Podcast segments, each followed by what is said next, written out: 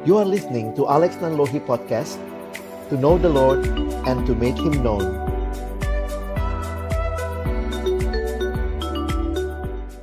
Mari kita berdoa sebelum kita membaca merenungkan firman Tuhan. Kami datang dalam ucapan syukur pada siang hari ini. Terima kasih Tuhan karena Engkau memberikan kesempatan bagi kami untuk bersama-sama sekali lagi memuji, memuliakan namamu. Dan tiba waktunya bagi kami untuk membuka firman-Mu ya Tuhan. Kami mohon waktu kami membuka firman-Mu, bukalah juga hati kami. Jadikanlah hati kami seperti tanah yang baik. Supaya ketika benih firman Tuhan ditaburkan boleh sungguh-sungguh berakar, bertumbuh, dan juga berbuah nyata di dalam hidup kami. Berkati baik hambamu yang menyampaikan, setiap kami yang mendengar, dan tolonglah kami Tuhan. Agar kami bukan hanya jadi pendengar-pendengar firman yang setia, tapi mampukan dengan kuasa dari rohmu yang kudus, kami dimampukan menjadi pelaku-pelaku firmanmu di dalam hidup kami, di dalam masa muda kami. Bersabdalah ya Tuhan kami anak-anakmu sedia mendengarnya. Di dalam satu nama yang kudus, Nama yang berkuasa, nama Tuhan kami Yesus Kristus. Kami menyerahkan pemberitaan firman-Mu. Amin.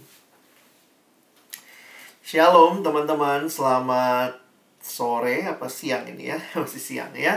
Kita bersyukur kepada Tuhan boleh diberi kesempatan untuk ikut dalam pembinaan pada hari ini. Nah, Sesuai dengan tema yang akan kita pikirkan sama-sama, uh, Abang coba siapkan PowerPoint buat kita.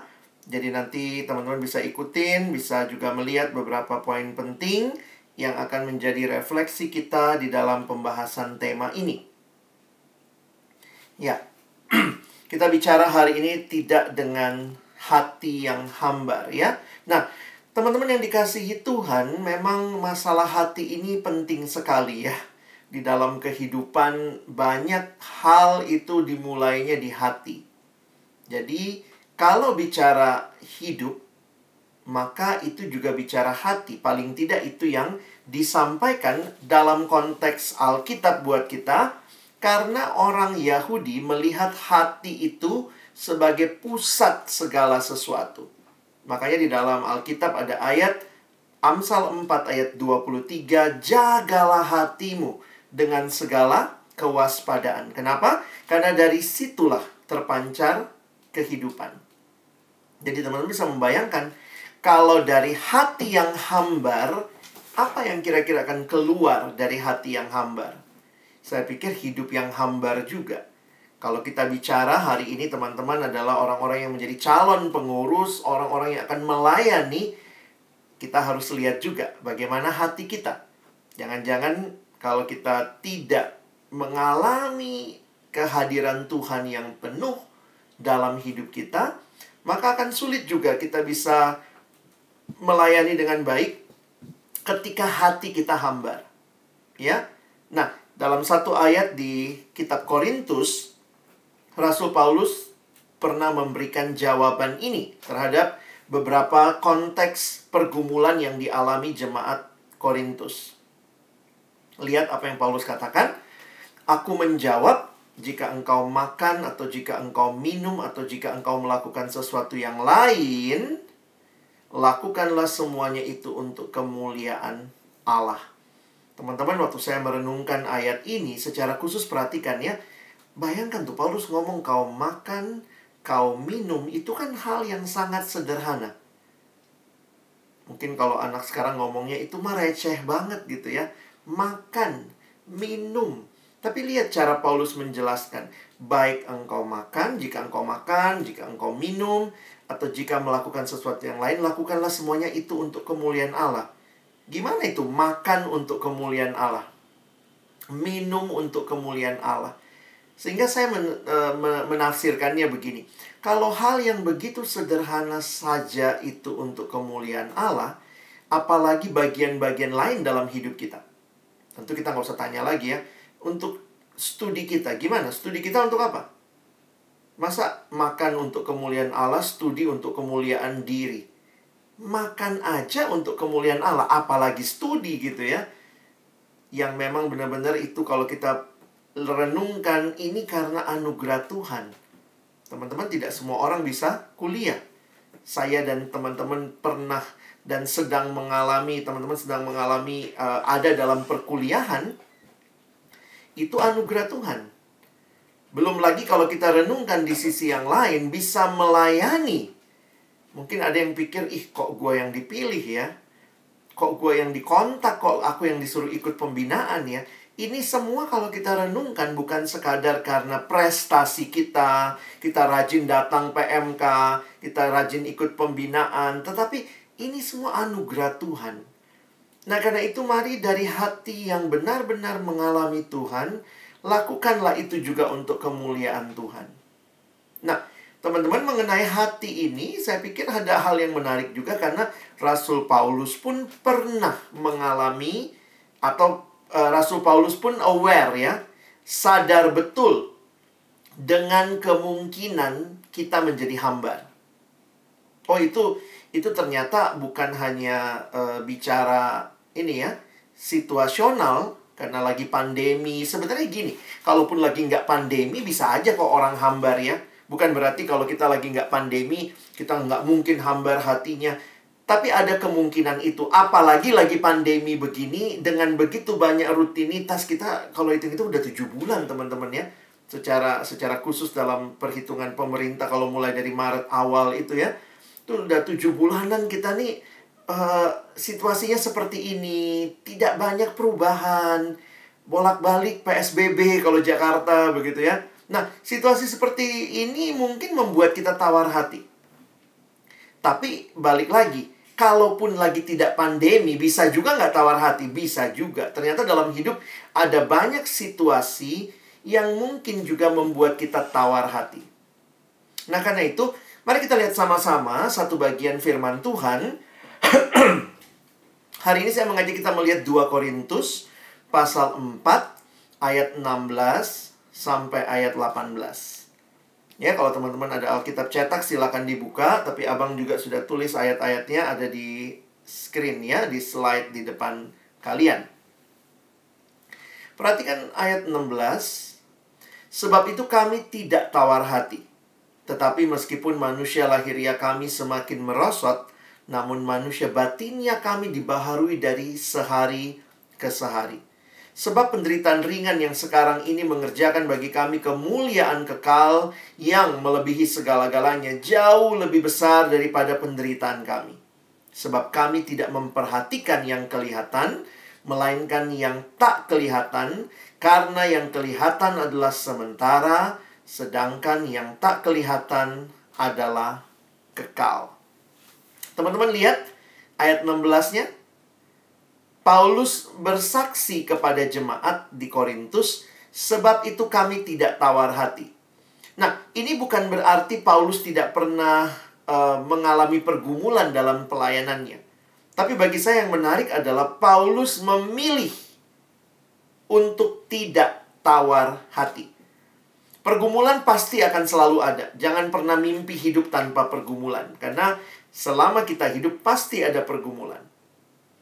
Karena itu pilihannya ada pada kita. Kamu mau survive, kamu tidak tawar hati seperti Paulus dan sahabat-sahabat pelayanannya, atau menjadi tawar hati. Dan ini memang apa ya, banyak situasi di sekitar kita yang mungkin sekali membuat kita tawar hati. Perhatikan ini ayat 16 ya. Paulus berkata, manusia lahiriah kami semakin merosot.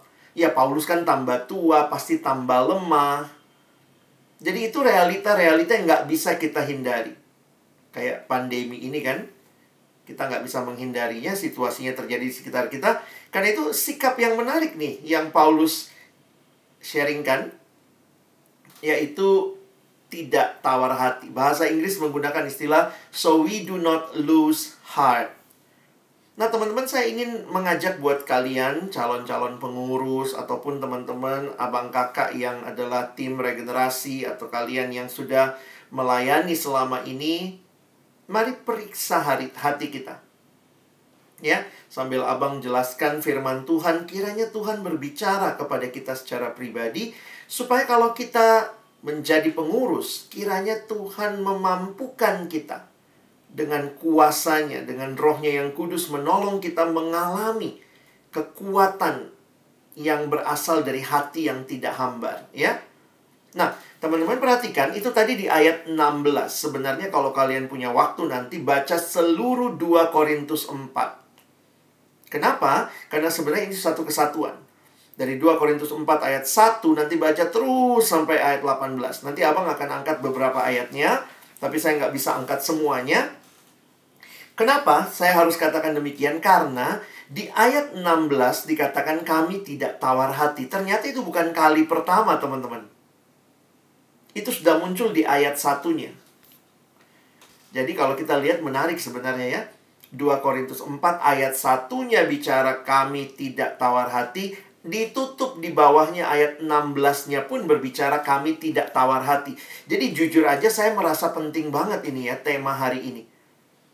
Kalau kalian sebagai pengurus pelayan Tuhan, mari situasi sulit pasti ada. Mau lagi pandemi, nggak pandemi, tapi kita punya pilihan untuk memilih untuk tidak tawar hati. Seperti yang Paulus sharingkan. Kira-kira rahasianya apa sih? Untuk tidak tawar hati. Nah, kalau kalian baca seluruh 2 Korintus 4, sebenarnya Paulus menjelaskan begini teman-teman ya. Paulus menjelaskan apa-apa saja situasi ataupun kondisi yang dialami yang mungkin membuat tawar hati. Jadi menarik ya. Waktu Paulus bicara kami tidak tawar hati di ayat 1, kami tidak tawar hati di ayat 14, dia kemudian menuliskan sebenarnya hal-hal yang mungkin membuat kita tawar hati di tengah-tengahnya. Apa saja? Bagaimana rahasianya supaya pantang tawar hati? Saya lihat ada dua hal yang dia soroti. Sebenarnya ini juga jadi pergumulan kita ya, jujur aja lah kalau kita melayani ya. Yang bisa bikin kita tawar hati adalah menyangkut orang yang kita layani. Ya ampun, udah dilayani begitu lama nggak berubah-berubah udah diajak pembinaan tetap aja nggak nggak nggak ngalamin hidup yang berubah nggak mau nggak mau sungguh-sungguh kira-kira begitu ya. Yang bisa bikin kita tawar hati waktu pelayanan adalah melihat yang dilayani. Jadi itu bisa terjadi. Tetapi juga yang kedua bisa jadi kita melihat diri kita. Nah bagi saya ini menarik nih karena sebenarnya waktu Paulus lihat dirinya itu banyak yang bisa membuat dia tawar hati. Pertama, dia makin tua, pasti makin tua makin lemah. Dan kalau kita lihat, Paulus juga bukan orang yang sehat. Dia tulis di 2 Korintus ini bahwa Tuhan memberikan duri dalam daging. Kemungkinan, kata para penafsir, ada penyakit yang Paulus alami. Jadi, kalau saya memperhatikan iya ya, yang bisa bikin kita tawar hati itu dua. Orang yang dilayani dan kondisi kita. Belum lagi kalau kalian nanti lihat Nah ini kan karena abang hanya bahas ayat ini Tapi nanti kalau kalian lihat di dalam misalnya 2 Korintus 12 11 dan 12 Itu kondisi juga ya. Jadi memang semua nih Dari dalam diri Dari luar diri. Dari luar berkaitan dengan orang yang dilayani Bisa bikin frustasi. Kemudian kita bisa lihat situasi Kayak misalnya pandemi ini.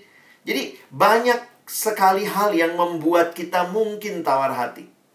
Tapi mari kita lihat apa yang Paulus ingatkan. Menarik waktu bicara tentang orang yang dilayani, ayatnya ini. 2 Korintus 4 ayat 3 dan 4. Saya bacakan. Jika Injil yang kami beritakan masih tertutup juga, maka ia tertutup untuk mereka yang akan binasa yaitu orang-orang yang tidak percaya, yang pikirannya telah dibutakan oleh ilah zaman ini.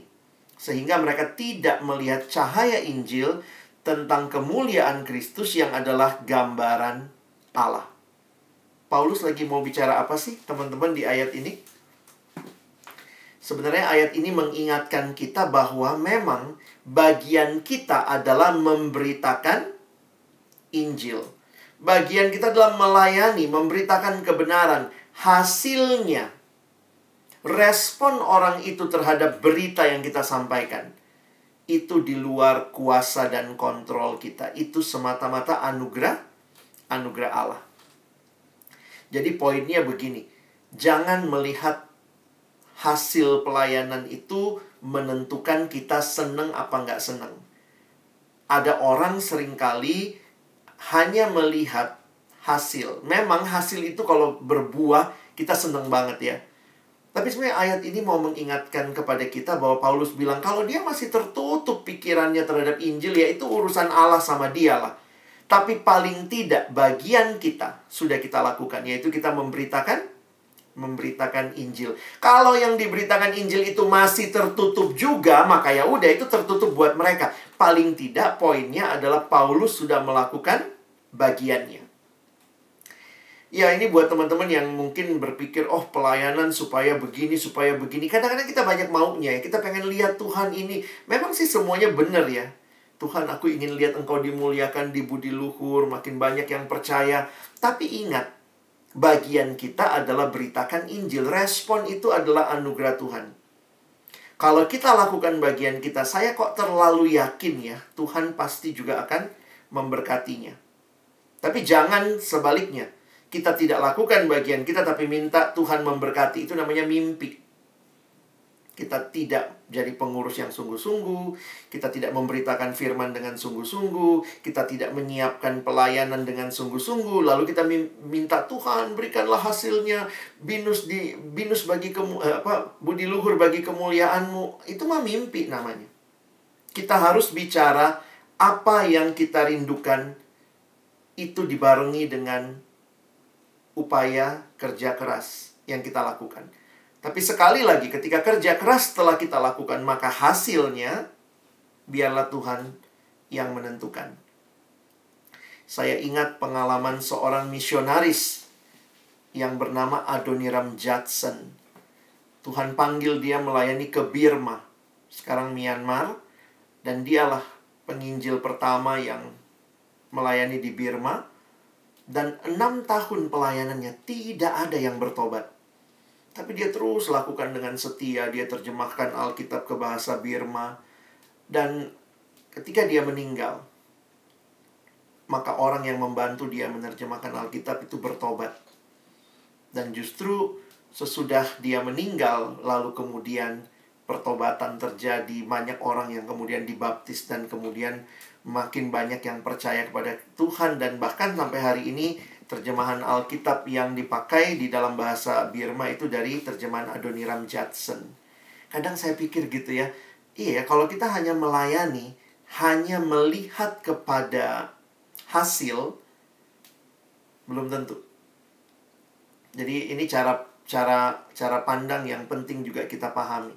Sekali lagi Tuhan bukannya menutup hasil. Tuhan bisa berikan hasil mau hari ini langsung ada hasil juga Tuhan bisa lakukan. Tapi ternyata di dalamnya saya pikir Tuhan juga me memanggil kita untuk setia lakukan bagian kita. Hasil itu bagian Tuhan. Karena kadang-kadang juga ya kalau kita lihat hasil kita jadi sombong ya. Wih, itu tuh pelayanan gua tuh, tuh Natal kemarin kan berhasilnya gua tuh ya. Jadi kadang-kadang tanpa sadar juga all the glory to me. Dan hati yang angkuh bagi saya sama sebenarnya itu hati yang tawar. Karena bukan Tuhan yang dilayani, dimuliakan di dalam hati yang seperti ini. Ya.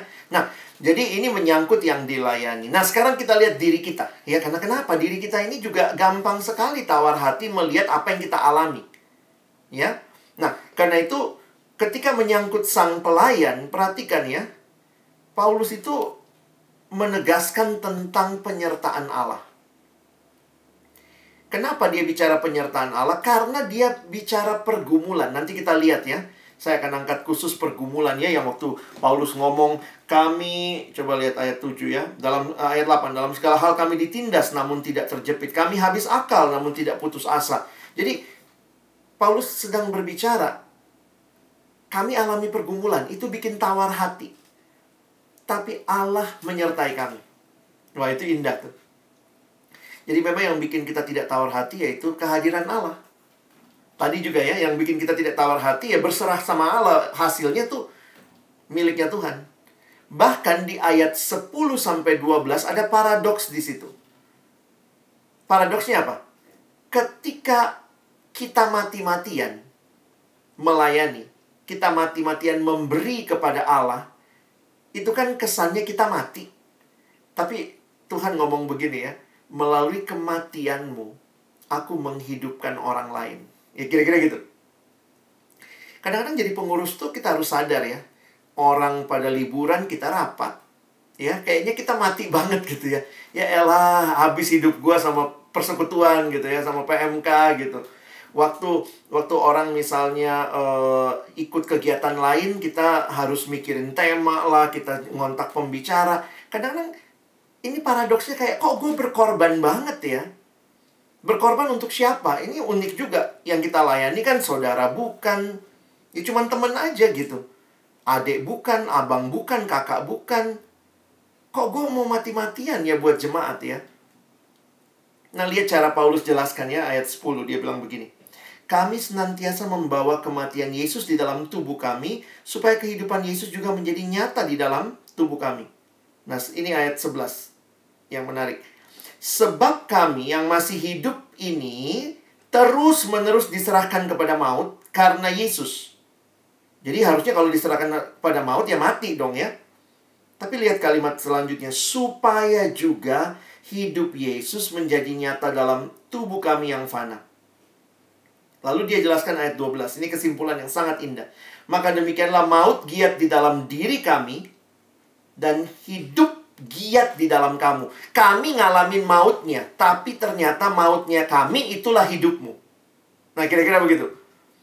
Jadi Paulus lagi bilang, sebenarnya kalau kita mau bicara hitung-hitungan, jadi pengurus tuh nggak ada enaknya. Kagak dibayar, habis waktu, mikirin orang yang bukan saudara.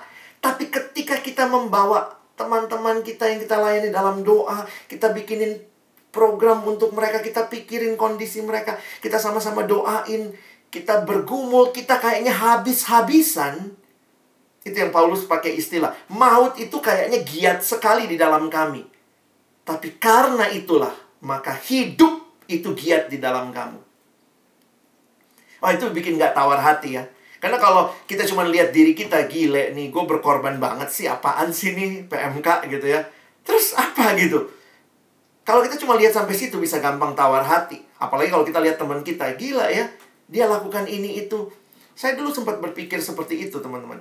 Waktu saya jadi pengurus di kampus, sempat mikir ya, apalagi uh, jadi pengurus kan nggak nggak nggak selamanya enak nggak selamanya gampang kita harus mikirin orang kadang-kadang libur kita ke kampus kemudian juga kita mahasiswa duit harus dipilah-pilih gitu ya gimana mau beli ini tahan dulu anak kelompok kecil ulang tahun kadang mikirin gimana ngasih buat dia gitu ya sama-sama masih kere gitu waktu itu kan. Kayaknya gue berkorban banget buat orang itu. Terus saya lihat teman saya dia waktunya dia bisa jalan-jalan gitu ya dia bisa beberapa teman juga ada yang dia bisa bisa ikut ini ikut itu gitu ya. Karena kayaknya free banget gitu hidupnya untuk dirinya. Terus kayak saya Tuhan kok hidup saya buat orang lain sih? Kenapa hidup saya buat orang lain? Saya tuh mikirnya orang lain. Bukan berarti nggak mikirin diri saya sendiri tapi kemudian kayak Tuhan bicara gitu. Kalau kamu cuma mikirin dirimu yang hidup itu cuma kamu. Kira-kira begitu ya. Tapi kalau kamu memberi hidupmu memikirkan melayani orang lain maka dua yang hidup, kamu dan orang itu. Dan kalau saya memberikan lebih lagi, sebenarnya saya menyadari Tuhan terima kasih lewat hidup saya, lewat pengorbanan saya. Tuhan pun mengkaryakan hidup di dalam diri orang-orang di sekitar saya. Jadi saya jadi makin ngerti tuh. Maut giat di dalam kami, tapi karena itulah hidup itu yang giat dalam kami. Jadi teman-teman kalau kita bicara pelayanan ya mau nggak tawar hati ya udah mesti mesti fokus gitu ya. Mesti fokus memang melihat bahwa yang kita lakukan ini jangan dihitung-hitung matematika gitu. Kadang-kadang kan ya saya kehilangan ini gitu saya ngorbanin waktu. Kadang-kadang kita di pikiran kita selalu matematika muncul.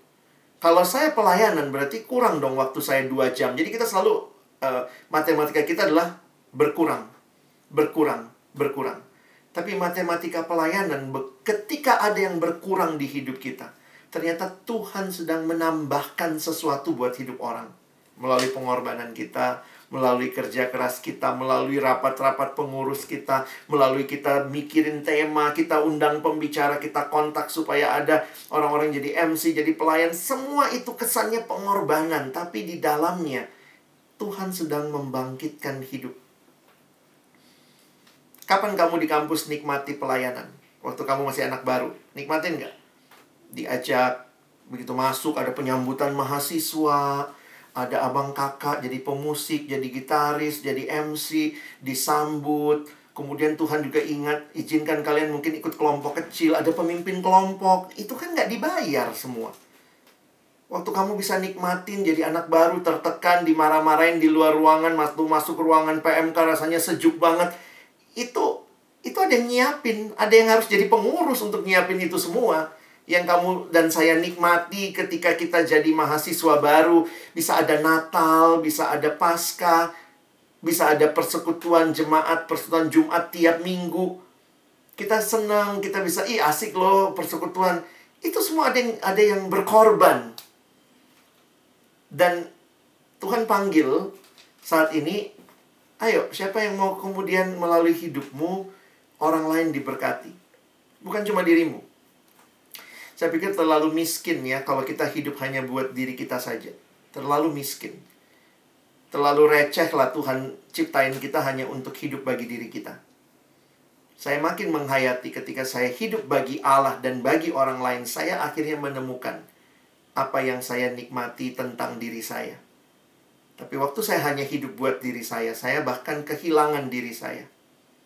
Karena saya selalu merasa nggak pernah puas, nggak pernah cukup. Ya, jadi cara berpikir ini yang penting. Mau nggak tawar hati, ya belajar lihat paradoks waktu kita berkorban, ada hidup. Wah, itu langsung membuat kita jadi uh, tidak tidak males ya, bangkit lagi. Kadang-kadang kita mikir gitu ya, berapa nih Zoom ya? Berapa berapa giga kita buang nih ya? Berapa untuk untuk Zoom ya, berzoom pak. Berapa banyak yang kita buang ini secara secara hitung-hitungan kuota. Tapi ini cara Tuhan menghidupkan satu sama lain. Dan bagaimana supaya kita tidak tawar hati? Yang ketiga, lihatnya bukan kepada yang sekarang, tapi lihatnya kepada kekekalan. Jadi menarik sekali mata yang tertuju pada kekekalan. Sebenarnya itu yang tadi muncul ya. Sorry, saya balik ke ayat ini ya. Ini kan? Apa yang Paulus katakan? Ayat 18. Sebab kami tidak memperhatikan yang kelihatan. Kalau perhatiin yang kelihatan, mah, wah desperado deh, desperate banget. Tapi kami melainkan yang tidak kelihatan. Karena yang kelihatan sementara. Sedangkan yang tidak kelihatan adalah kekal. Jadi cara pandang melihat kepada kekekalan itu memberi makna buat hidup kita sekarang. Nggak saya senang tuh pemahaman ini ya bahwa sebenarnya yang membuat kita mengerti tentang makna hidup bukanlah yang sekarangnya saja. Tetapi ketika kita tahu bahwa semua yang sedang kita per, perbuat, kita lakukan, itu ternyata punya nilai di dalam kekekalan. Jadi waktu kita tawar hati karena lihat kondisi segala macam ya, lihat yang dilayani, lihat kondisi di sekitar kita, bahkan lihat diri kita, Paulus mengatakan no, belajar lihat kepada Allah punya mata yang tertuju kepada kekekalan itu membuat kita tidak tawar hati. Jadi teman-teman kalau kita simpulkan secara sederhana, ya bagaimana kalau supaya kita tidak tawar hati? Mungkin itu yang kita harus ingat baik-baik. Miliki relasi dengan Tuhan. Karena hanya Tuhanlah yang bisa kasih kita kacamata melihat kekekalan. Tuhanlah yang bisa kasih kita kacamata melihat melalui kematian ada kehidupan gitu ya melalui kita berkorban ada hidup orang yang diberkati. Tuhan yang bisa membuat kita melihat bahwa situasi ini bukan segala-galanya, tapi kehadiran Dialah segala-galanya. Karena itu periksa lagi relasi kita dengan Tuhan, karena itu yang sangat menentukan. Apakah kita mengalami dengan nyata kehadirannya yang membuat kita juga dipinjamkan. Saya suka pakai istilah ya, kayak Tuhan kalau kita dekat dengan Tuhan kita kayak dipinjemin kacamatanya Tuhan. Karena kalau lihat kacamata dunia ngelihat ini ya ya lalu rugi lu berkurang waktu hidup lu. Ya mendingan kita fun lah main-main gitu ya. Kita bisa hidup nyaman. Tapi kayak Tuhan pinjemin kacamata. Waktu kita lihat ya ampun ini toh ini nilainya kekal. Tuhan bilang tidak ada jangan menyimpan bagimu harta di bumi karena ngengat dan karat merusakkannya. Mungkin kalau sekarang bilang, oh enggak lah, kita simpennya di safe deposit box yang nggak bisa, nggak ada karat, nggak ada ngengat gitu ya. Tapi semua yang kita bisa kejar di dunia ini sementara. Tapi ketika kita melayani, dan di situ ada jiwa-jiwa yang kenal Tuhan, ada jiwa-jiwa yang bertobat, ada jiwa-jiwa yang datang menikmati Tuhan, dia makin dewasa, makin bertumbuh, tadinya dia benci banget sama orang tuanya tapi kemudian melalui kelompok kecil melalui PJ yang temanya mungkin keluarga dia dengar firman hidupnya berubah. Saya pikir itu nilainya kekal ya. Nggak bisa dihitung sama duit. Sampai di surga Tuhan nggak nanya berapa banyak uangmu? Mana? Berapa banyak emas yang kau investasi? Berapa banyak depositomu? Waktu kita tiba ketemu dengan Tuhan Tuhan akan nanya berapa banyak orang yang kau bangun hidupnya Berapa banyak orang yang melalui hidupmu kenal siapa aku? Itu buah yang kekal. Itu nilai yang kekal, yang tidak bisa hanya sekadar bicara kekinian. Nah, teman-teman, saya harap cara pandang seperti ini kita bisa miliki kalau kita punya relasi dengan Tuhan. Tapi kalau kita tidak punya relasi dengan Tuhan, ya mimpi juga gitu ya. Mimpi punya mata seperti matanya Tuhan ya. Ada lagu itu ya. Berikanku hati seperti hatimu yang penuh dengan belas kasihan. Berikanku mata seperti matamu memandang tuayan di sekelilingku. Berikanku tanganmu nanti berikanku kakimu. Saya pikir Tuhan kalau saya nggak punya relasi sama Tuhan mimpi kali minta matanya Tuhan memandang orang lain memandang tuayan Enggak. Karena itu saya pikir pengurus penting sekali. Teman-teman pengurus, calon pengurus, kiranya kamu mengerti dengan jelas. Kenal siapa Tuhan. Dan pengenalanmu akan Tuhan akan memberikan kamu kacamata yang indah. Melihat pergumulan hidup, melihat pelayanan, melihat susahnya pelayanan, melihat sulitnya orang berubah, melihat sulitnya orang di diajak ikut persekutuan itu kadang-kadang kalau ngajak persekutuan dia nggak mau tuh kesel banget gitu ya. Gue udah siapin gitu. Tapi itu kayak Tuhan kasih kacamata yang baru. Nah relasi dengan Tuhan tuh seperti akhirnya kita punya belas kasihan ketimbang penghakiman. Kita berdoa kita berserah kita bawa mereka dalam doa kita. Nah jadi teman-teman ini bagian yang Paulus katakan tentang supaya tidak tawar hati. Miliki relasi dengan Tuhan. Dekat dengan Tuhan sehingga kamu bisa menilai semua yang terjadi dengan kacamata yang dari Tuhan. Nah, apa yang Tuhan janjikan? Nah, saya utang tadi ayat yang ke-7 sampai 9 ya. Apa yang Tuhan janjikan? Menarik sekali ayat 7 sampai 9 ini bicara penyertaan Allah. Penyertaan Allah itu bicara tentang pemeliharaannya. Bahwa Allah menyertai itu maksudnya Allah memelihara. Di dalam kekristenan, doktrin pemeliharaan Allah itu disebut sebagai providentia. Dari bahasa Latin, providere adalah uh, memelihara begitu ya. Nah, saya coba sedikit masuk ke situ untuk kita memahami ayat 7 sampai ayat yang ke-9. Jadi ada dua aspek providensia Allah. Kenapa dua aspek? Nanti teman-teman lihat ya penjelasannya. Karena saya makin menghayati Allah kita itu bukan Allah yang cuman uh, cuma cuma tahu doang, tapi nggak sanggup melakukan. saya pikir Allah kita bukan Allah yang seperti itu ya. Nah ini yang saya pelajari dalam tulisan Paulus bahwa Allah yang dia hayati adalah Allah yang yang hidup. Ya, kita lihat penjelasannya ya. Dua aspek providensia Allah. Jadi pekerjaan Allah memelihara keberadaan ciptaannya, merawat dan menopangnya itu disebut sebagai Allah memelihara preservation working ya. Nah, ini yang disebut yang pertama pekerjaan Allah memelihara. Tapi bukan hanya memelihara, jadi aspeknya providensia itu ada pemeliharaan, tetapi di dalam providensia juga ada aspek selanjutnya adalah aspek Allah memimpin. Memimpin, guiding, mengendalikan, directing seluruh kejadian untuk menggenapi tujuan yang ia kehendaki. Jadi ini yang disebut sebagai Allah mengendalikan. Jadi dalam providensia ada dua aspek, pemeliharaan dan pengendalian. Nah, ini memberikan kepada kita apa nih? Karena ini dua hal yang tidak terpisah. Bayangkan kalau kamu cuma punya Allah yang sanggup memelihara, tapi nggak sanggup mengarahkan. Ya, saya pikir nggak demikian ya. Kita meyakini Allah kita Allah yang memelihara. Dan dia bahkan sanggup. Kenapa? Karena Tuhan terlibat tuh. Makanya kita suka pakai istilah Tuhan pimpin aku. Berarti kan Tuhan, kalau kita orang-orang yang menyerah sama takdir, kita nggak minta pimpinan Tuhan.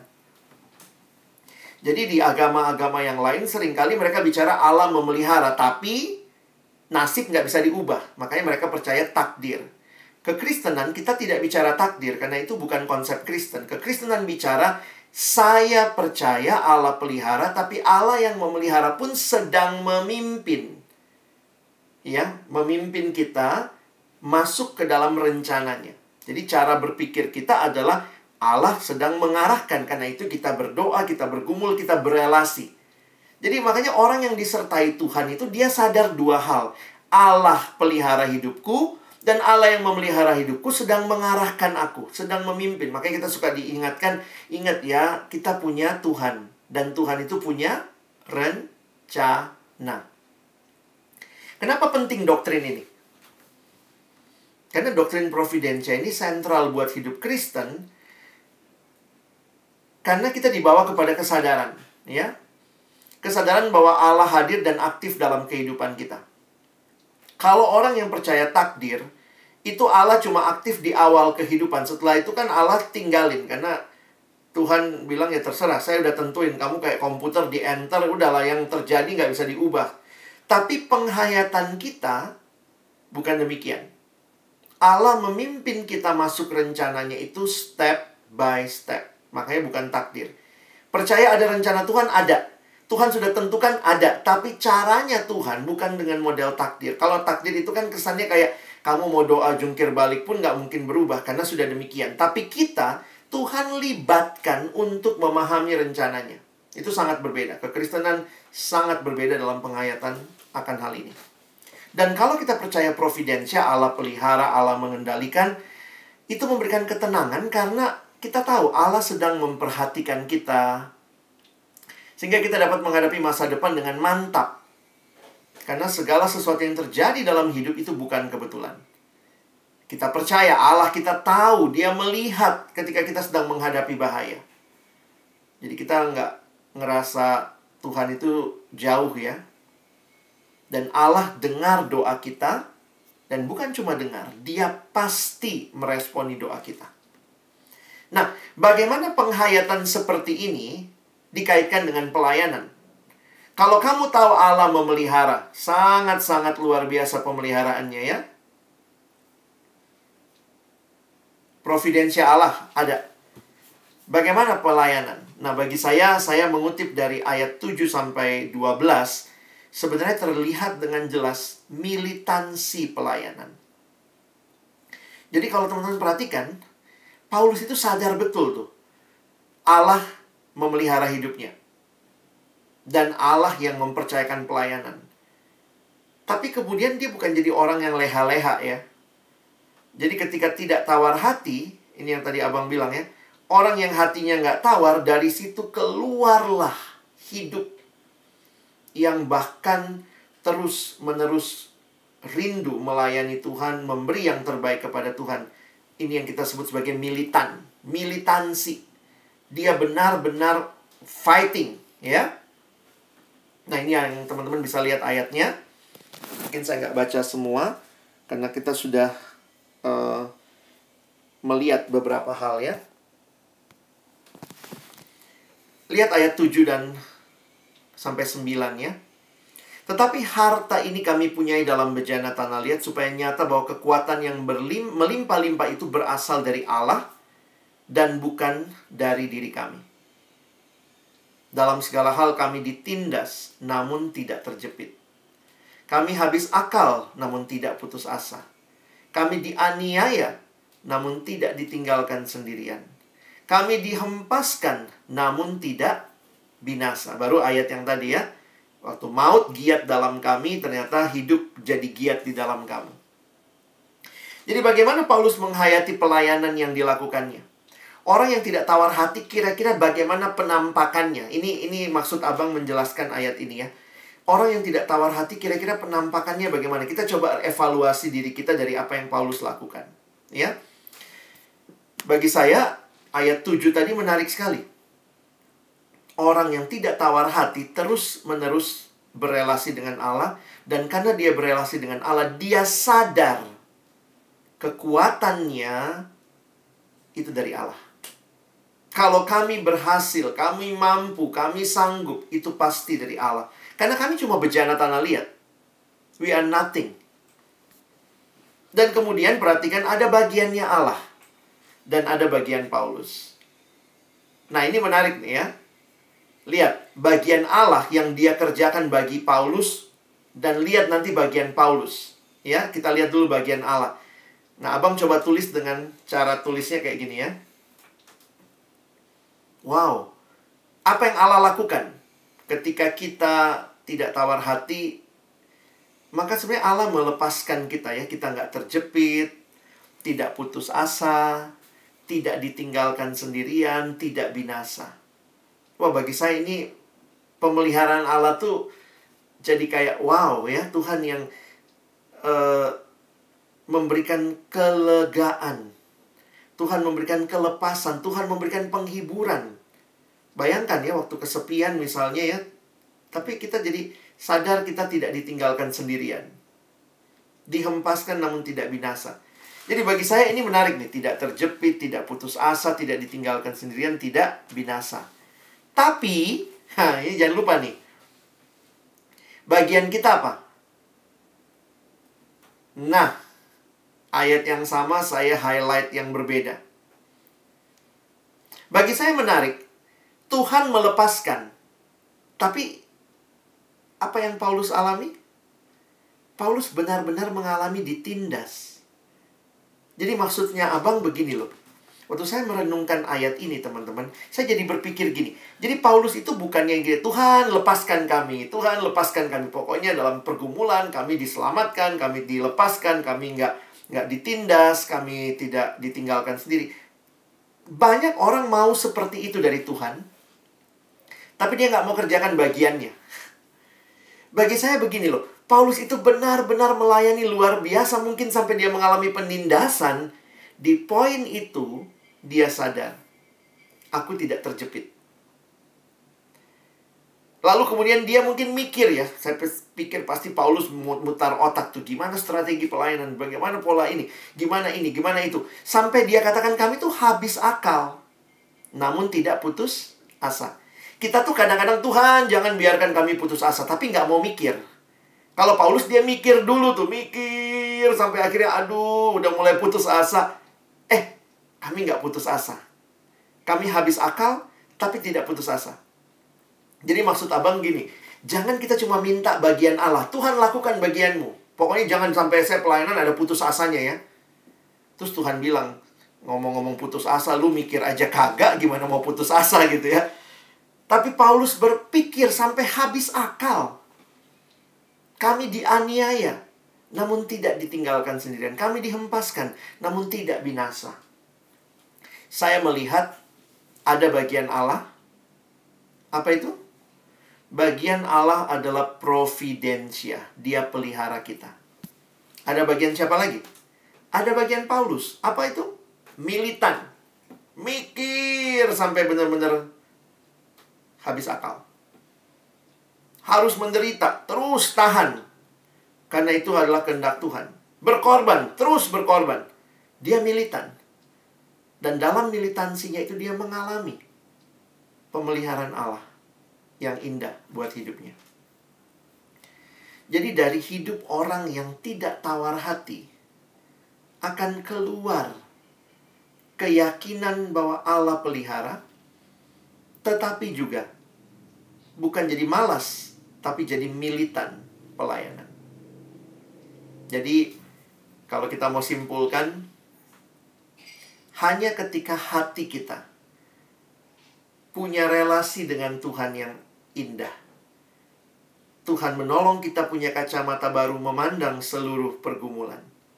Sehingga dari hati yang tidak tawar, keluarlah keyakinan bahwa Tuhan pelihara dan keluar juga militansi, giving the best.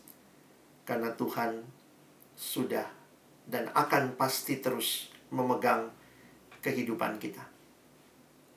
Teman-teman nikmati ini Mari minta sama Tuhan bukan minta hidup tanpa kesulitan.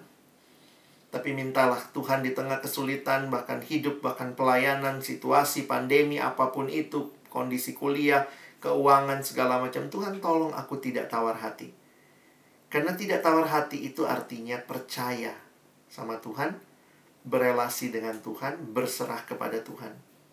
Banyak orang yang lebih percaya sama situasinya, lebih takut sama situasinya sampai dia lupa dia punya Allah yang benar-benar memelihara.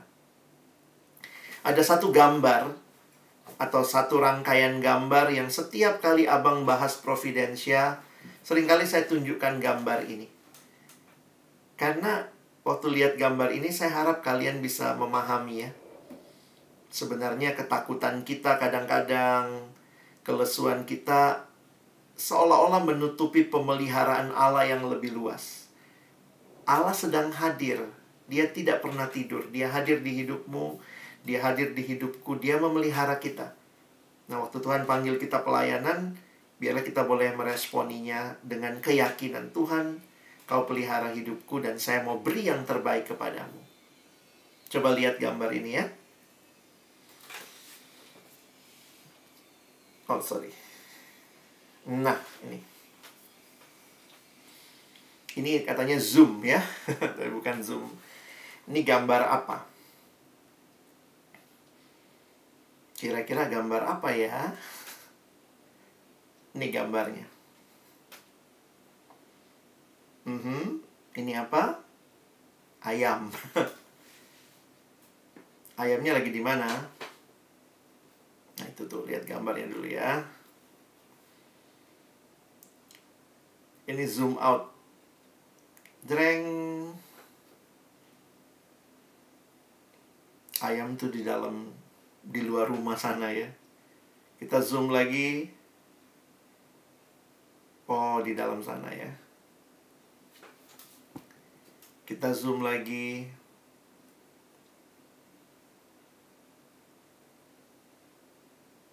gambar apakah ini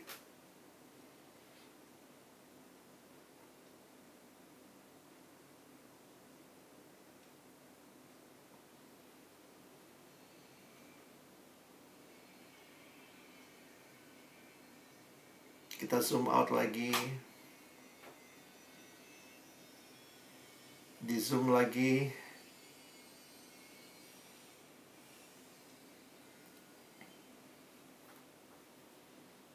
Dia lagi megang majalah. Dia ada di mana nih teman-teman kira-kira? Dia lagi ada di Oh, ada kolam renang. Dia lagi ada di kapal pesiar.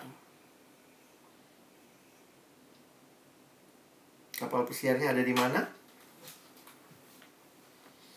Kapal pesiarnya ada di di bus kota. Ada bus. Oke. Ini ada di mana?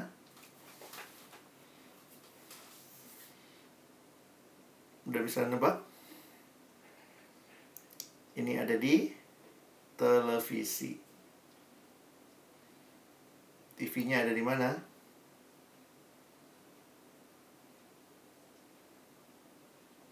Ini adalah perangko.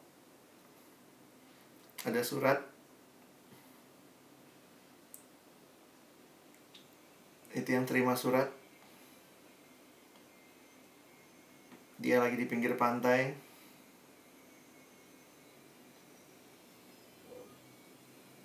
Dilihat dari atas pesawat.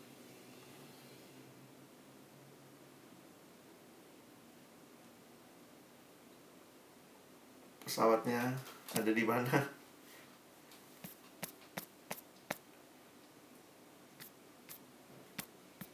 Gambar ini memberikan perspektif bahwa sebenarnya ada Tuhan yang peduli sama hidup kita yang sangat detail. Dia memimpin, dia mengendalikan, tapi juga dia Tuhan yang berkuasa atas segala-galanya. Jadi, ketika hati tidak tawar dalam relasi dengan Tuhan, kita terus bisa memandang dengan kacamata Tuhan. Kita percaya, percaya Dia pelihara kita. Jangan takut. Kalau ada yang takut banget pelayanan, nanti gimana kalau saya pelayanan ini, itu, ini, itu gitu ya. Tapi kemudian kita lihat lebih jauh, Dia hadir, Dia memimpin, Dia mengendalikan. Bagaimana harusnya respon kita? Terus percaya. Saya tutup dengan kalimat Santo Agustinus. Agustinus berkata, "Trust the past to God's mercy, the present to God's love, and the future to God's providence." Percayakanlah masa lalumu kepada kemurahan Allah, masa kini kepada kasih Allah, dan masa depan kepada pemeliharaan Allah. Selamat menggumulkan pelayanan ini. Jangan tawar hati, karena ada Tuhan yang memberikan kepadamu kekuatan untuk melangkah. Amin. Mari kita berdoa. Tuhan, begitu banyak hal yang mungkin membuat kami hambar, tawar hati. Tapi firman-Mu hari ini mengingatkan kami bagaimana kami bisa bertahan dan memilih untuk punya hati yang tidak tawar dengan berbagai pergumulan kondisi yang kami alami. Terima kasih buat firman-Mu yang kembali mengingatkan kami pentingnya juga relasi kami dengan Tuhan. Karena itu biarlah di tengah-tengah situasi yang sulit seperti ini pun hamba berdoa bagi adik-adikku kiranya relasi mereka dengan Tuhan terus mereka bangun dalam kehidupan doa, kehidupan saat teduh, kehidupan bersekutu. Kiranya menjadi kesempatan yang indah Tuhan membakar lagi hati kami. Termasuk untuk melayani Tuhan di pelayanan di kampus kami. Pelayanan yang kami sendiri telah nikmati bagaimana Tuhan memakai orang-orang sebelum kami melayani kami. Dan saat ini kami pun mau dipakai Tuhan melayani kembali generasi selanjutnya. Melalui pengorbanan diri kami, melalui bayar harga yang kami lakukan. Mungkin secara matematika kami tidak mendapatkan apa yang kami atau yang dunia lihat secara matematika tapi di dalamnya ada hidup yang diubahkan, dan itulah persembahan yang terindah di hadapan Tuhan. Terima kasih. Sekali lagi kami mohon tolong kami bukan cuma jadi pendengar-pendengar firman yang setia. Mampukan kami jadi pelaku-pelaku firman-Mu. Di dalam hidup kami, di dalam masa muda kami. Dalam nama Tuhan Yesus, kami sudah berdoa dan bersyukur. Amin.